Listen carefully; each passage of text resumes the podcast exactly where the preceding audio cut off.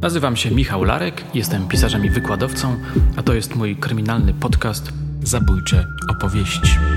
Sezon pierwszy, Okrutni zbrodniarze, odcinek piąty, Ryszard S., potwór z Mełpina, część pierwsza. Opracowanie dźwiękowe, Paweł Dalecki. Jakieś dwa lata temu znajomy oficer policji, Michał Czechanowski, przyniósł mi na spotkanie teczkę opatrzoną napisem opowieści Starego Szkieła. Po powrocie do domu sprawdziłem dokładnie jej zawartość. Wśród tych opowieści znalazłem jedną szczególnie poruszającą. Nosiła tytuł Kryptonim Pociąg. To, co Wam dzisiaj opowiem, jest moją adaptacją mrocznej historii o bezlitosnym gwałcicielu i zabójcy spisanej przez poznańskiego dochodzeniowca. Posłuchajcie. 9 października 1971 rok. Komenda Wojewódzka w Poznaniu. Jest godzina 7.30. Otworzyłem szafę, aby sprawdzić, jakie czynności przypadają na ten dzień, wspomina Czechanowski. Nie zdążyłem nawet przejrzeć zakupionej gazety codziennej, gdy otrzymałem polecenie wyjazdu do Kalisza i pokierowania grupą operacyjno-śledczą. Z wiadomości uzyskanych od oficera dyżurnego dowiedzieliśmy się, że jest zabójstwo na terenie stacji PKP w Radliczycach. Znaleziono nagie zwłoki młodej kobiety o nieustalonej tożsamości. Powołano zatem specjalną grupę, w skład której wchodzili m.in. porucznik Czechanowski, kapitan Franciszek Rybarczyk i biegły lekarz medycyny sądowej dr Marian Stochaj. Gdy grupa dotarła na miejsce, zabrała się pracowicie za czynności. Zaczęto od oględzin miejsca znalezienia zakrwawionej odzieży. Od tego punktu milicjanci szli śladami krwi, które wyznaczały trasę wleczenia ciała. Po drodze odnajdywano fragmenty tamskiej garderoby, w tym buty. Wszystko było porozrywane i zakrwawione. W końcu doszli do sterty worków po cemencie. Odkrywając worek po worku, odsłonili wreszcie ciało martwej dziewczyny. Leżała na plecach, nogi miała rozchylone, była zakrwawiona.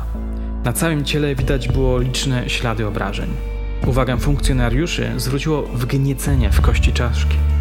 Przy zwłokach odnaleziono zdjęcie fotograficzne małego formatu przedstawiające nagą kobietę z rozchylonymi nogami. Na tym zdjęciu znaleźliśmy krwawe ślady linii papilarnych, wspomina Czechanowski. Ślad kciuka prawej dłoni był od strony zewnętrznej fotografii, a ślad palca wskazującego prawej dłoni od tyłu fotografii. Wskazywało to na to, że sprawca zakrwawioną prawą ręką trzymał zdjęcie i uciekając zgubił je w miejscu porzucenia zwłok. Ślady były dobrze zachowane i nadawały się do badań identyfikacyjnych. Skąd się wzięło tam pornograficzne zdjęcie? Odpowiedź okaże się szokująca. Wrócę do tego później. Ciało zamordowanej przewieziono do kaliskiego szpitala powiatowego, w którym miały odbić się szczegółowe oględziny oraz sekcje. Następnie milicjanci zabrali się za penetrację terenu. Trzeba było ustalić kierunek oddalenia się sprawcy, sprawców. Wykluczono kierunek stacji kolejowej. Skoncentrowano się natomiast na kierunku przeciwnym.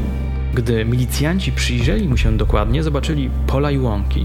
W tle widniały zabudowania oraz wieżyczka. Cały teren przegrodzony był rowami melioracyjnymi wypełnionymi wodą, opowiada oficer. Idąc przed siebie, znaleźliśmy w jednym z rowów dokumenty, zakrwawione. Dowód osobisty, legitymację studencką, bilet sieciowy na PKP ze zdjęciem młodej kobiety. Funkcjonariusze rozpoznali w niej ofiarę. Kim była? Mieszkanką Opatówka, studentką łódzkiego AWF-u, córką starszego małżeństwa. Miała na imię Jadwiga. Z późniejszych ustaleń wynikało, że wsiadła do rannego pociągu jadącego przez Duńską Wolę.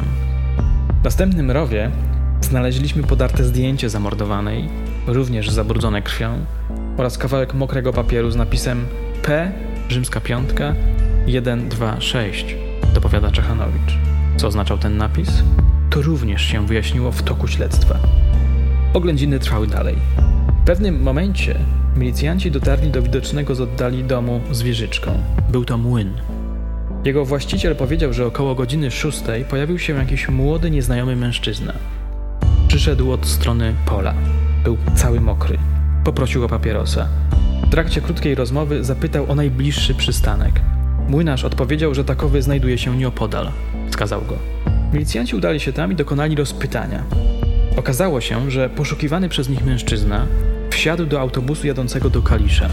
Nikt nie wiedział niestety, gdzie wysiadł. Po zakończeniu oględzin miejsca i penetracji terenu ekipa udała się do Opatówka, żeby zawiadomić rodziców o śmierci ich córki. Przeklinam zabójcę i jego rodzinę, powiedziała matka ofiary po wysłuchaniu straszliwej nowiny. Zapewniliśmy ją, wspomina Czechanowicz, że zrobimy wszystko, aby ustalić i zatrzymać sprawcę. Była to nikła pociecha, lecz w załzawionych oczach starszej kobiety zauważyliśmy promyk nadziei. Nigdy nie rzucaliśmy słów na wiatr, zawsze ich dotrzymywaliśmy. Po przyjeździe do Kalisza przeprowadzono formalne okazanie ciała ofiary jej siostrze. Rozpoznała ją. Potem odbyła się sekcja zwłok. Medyk sądowy zauważył liczne obrażenia ciała, w tym pękniętą czaszkę, nos, żuchwę.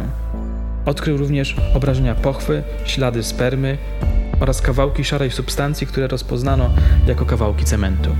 Pochodził z worków, którymi przykryto ciało ofiary. Gdy poznańscy milicjanci przybyli do Kaliskiej Komendy Powiatowej, zostali poinformowani, że na stacji PKP Łódź Kaliska w wagonie drugiej klasy pociągu osobowego Kalisz-Łódź Kaliska znaleziono ślady krwi i fragmenty włosów. Tym pociągiem jechała Jadwiga. Poznaniacy dostali jeszcze jedną informację, elektryzującą. Oto w pociągu pospiesznym na trasie Poznań-Lublin jakiś mężczyzna napadł na starszą kobietę. Gdy stawiła opór, próbował ją udusić. Przestał, gdy w przedziale zrobiło się zbiegowisko. Tajemniczy napastnik salwował się ucieczką, wyskakując przez okno. Z Lublina przyszła dokumentacja na temat tego zdarzenia. Na zewnętrznej stronie wagonu, pod oknem, z którego wyskoczył sprawca, ujawniono, sfotografowano i zabezpieczono odciski, opowiada Czechanowski. Ujawnione ślady linii papilarnych zawierały wystarczającą ilość cech do identyfikacji. Sprawdzając przebieg trasy tego pociągu, ustalono, że wyjechał on z Poznania o godzinie 1.26 z peronu 5. Ta wiadomość połączyła nam sprawcę zabójstwa z pociągu osobowego ze sprawcą usiłowania zabójstwa z pociągu pospiesznego. Pociąg pospieszny był planowo około 15 minut przed przyjazdem pociągu osobowego w kierunku Łódź-Kaliska. Wynikało z tego, że sprawca wyskoczył z pociągu w rejonie PKP Opatówek. Tam do pociągu wsiadła Jadwiga. Napis na znalezionym kawałku papieru P rzymska piątka 126 oznaczał zatem numer peronu i godzinę odjazdu z Poznania. Czyżby jego podstawowym środkiem transportu był pociąg? Być może milicjanci pytali samych siebie, czy kolejny mord, jeśli takowy się zdarzy, będzie miał również miejsce w pociągu. W ostatnim odcinku opowiadałem wam o Tadeuszu Kwaśniaku, seryjnym zabójcy, którego zbrodniczy szlak wyznaczany był przez linie kolejowe. Pierwszej w nocy naczelnik Wydziału Kryminalnego zwołał naradę grupy operacyjno-śledczej. Funkcjonariusze analizują zebrany materiał dowodowy, ślady, ustalenia, informacje. W gruncie rzeczy robią coś, co my dzisiaj nazywamy profilowaniem. Do jakich wniosków dochodzą? Przede wszystkim stwierdzają, że sprawca zabójstwa i sprawca usiłowania zabójstwa to jedna i ta sama osoba. Oto jego sylwetka, która wyłoniła się w trakcie narady. Młody mężczyzna, wiek około 22-24 lat, średniej budowy ciała, blondyn albo szatyn, średniego wzrostu. Twarz pociągła, charakterystyczny opadający w dół kącik ust. Wysportowany fizycznie. Może być czynnym sportowcem, cyrkowcem, żołnierzem jednostek specjalnych, komandosem, funkcjonariuszem służb specjalnych. Zdecydowany w dążeniu do celu, brutalny w działaniu, agresywny. Odbywał zasadniczą służbę wojskową gdzieś w województwie wrocławskim lub katowickim. Karany w wojsku za łamanie regulaminu i niewykonywanie rozkazów. Skazany przez sąd wojskowy na karę więzienia, którą odbywał gdzieś na Pomorzu. Pochodził ze wsi. Był kawalerem. Ojciec jego prowadzi zakład zduński lub wykonuje prace zduńskie. Wyszkolony przez ojca w tym zawodzie posiada pewne umiejętności w tym zakresie. Podczas odbywania kary w więzieniu wykonywał prace zduńskie oraz budował i remontował piece w domach u pracowników zakładu karnego.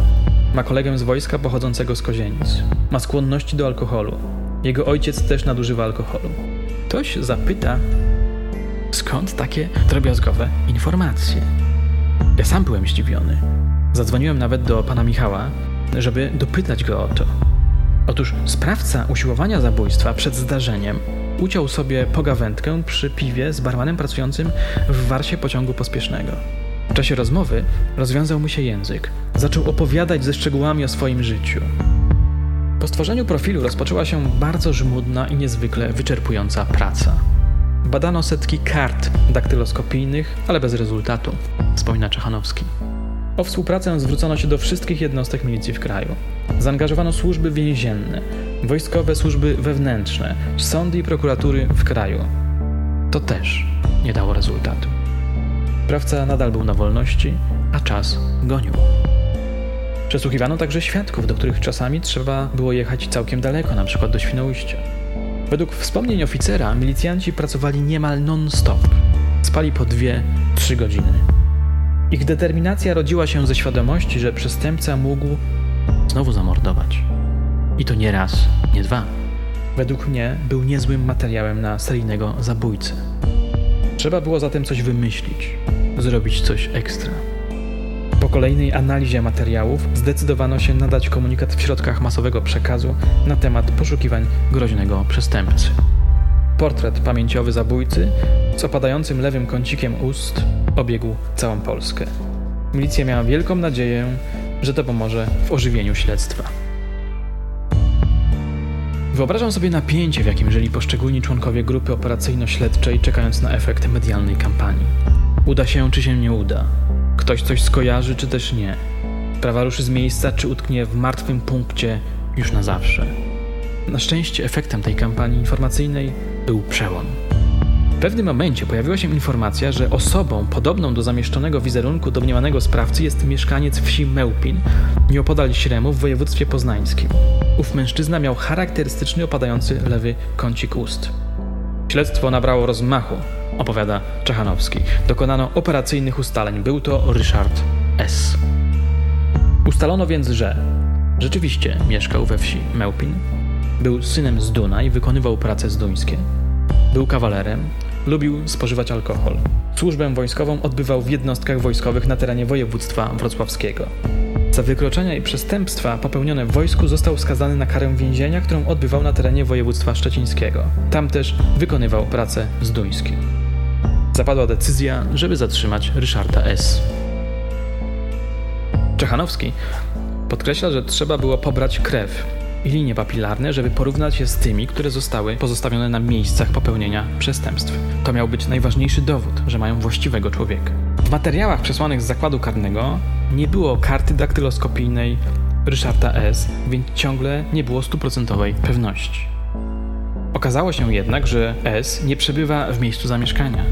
Co gorsza, nikt nie wiedział, co się stało z domniemanym zabójcą. Pojawił się strach, że niebawem S zabije ponownie jakąś Bogu ducha winną kobietę. Może właśnie wsiada do jakiegoś pociągu i tym samym wyrusza na polowanie. Znowu pojawiło się dramatyczne pytanie: co teraz? Odbywają się kolejne narady, zapewne coraz bardziej nerwowe. Na jednej z nich kapitan Rybarczyk zadaje proste pytanie: gdzie się ukrył przed milicją? Cisza. Kapitan odpowiada sam sobie: w zakładzie karnym albo w areszcie śledczym. Takim razie trzeba jak najszybciej sprawdzić tego rodzaju placówki. Zapadają odpowiednie rozkazy. Czas tyka coraz głośniej. W końcu nadchodzi informacja, że od pewnego czasu w areszcie śledczym w Śremie przebywa Ryszard S., osadzony tam za dokonanie kradzieży z włamaniem do restauracji w Dolsku. Do Śremu ruszają eksperci z laboratorium kryminalistyki. Ich zadaniem jest przeprowadzić badania na karcie daktyloskopijnej Ryszarda S. ze śladami linii papilarnych zabezpieczonych na ścianie pociągu i zdjęciu pornograficznym. Jest początek listopada 1971 roku. Czechanowski dzisiaj nie pamięta dokładnie daty, a ówczesne gazety były bardzo oględne w zakresie informowania obywateli o tego rodzaju zbrodniach. Z mojego wstępnego researchu wynika, że było to około 11 listopada. Oczekiwaliśmy na ten wynik w napięciu, opowiada Czechanowski. Po paru godzinach przyszedł ekspert daktyloskopii. Potwierdził, że ślady zabezpieczone na miejscu usiłowania zabójstwa i na miejscu zabójstwa są śladami dłoni i palców Ryszarda S. Radość. Mieliśmy sprawcę zbrodni. Już nam nie ucieknie. Nie dokona nowych zbrodni i co najważniejsze, odpowie za swoje czyny. Następnego dnia do Poznania przyjechał prokurator z Kalisza z nakazem aresztowania jednocześnie polecił dostarczenie Ryszarda S. do aresztu w komendzie wojewódzkiej w Poznaniu. W godzinach południowych aresztowany został doprowadzony do jednego z pokojów Wydziału Dochodzeniowo-Śledczego, w którym pracował porucznik Czechanowski. Tam przestępca usłyszał zarzuty zabójstwa i usiłowania zabójstwa. Czy się przyznał? Na to pytanie odpowiem Wam w drugiej części tego odcinka, który będzie zawierał dużo bardzo mocnego materiału.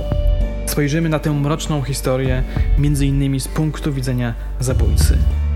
Tymczasem dziękuję za uwagę. Do usłyszenia niebawem.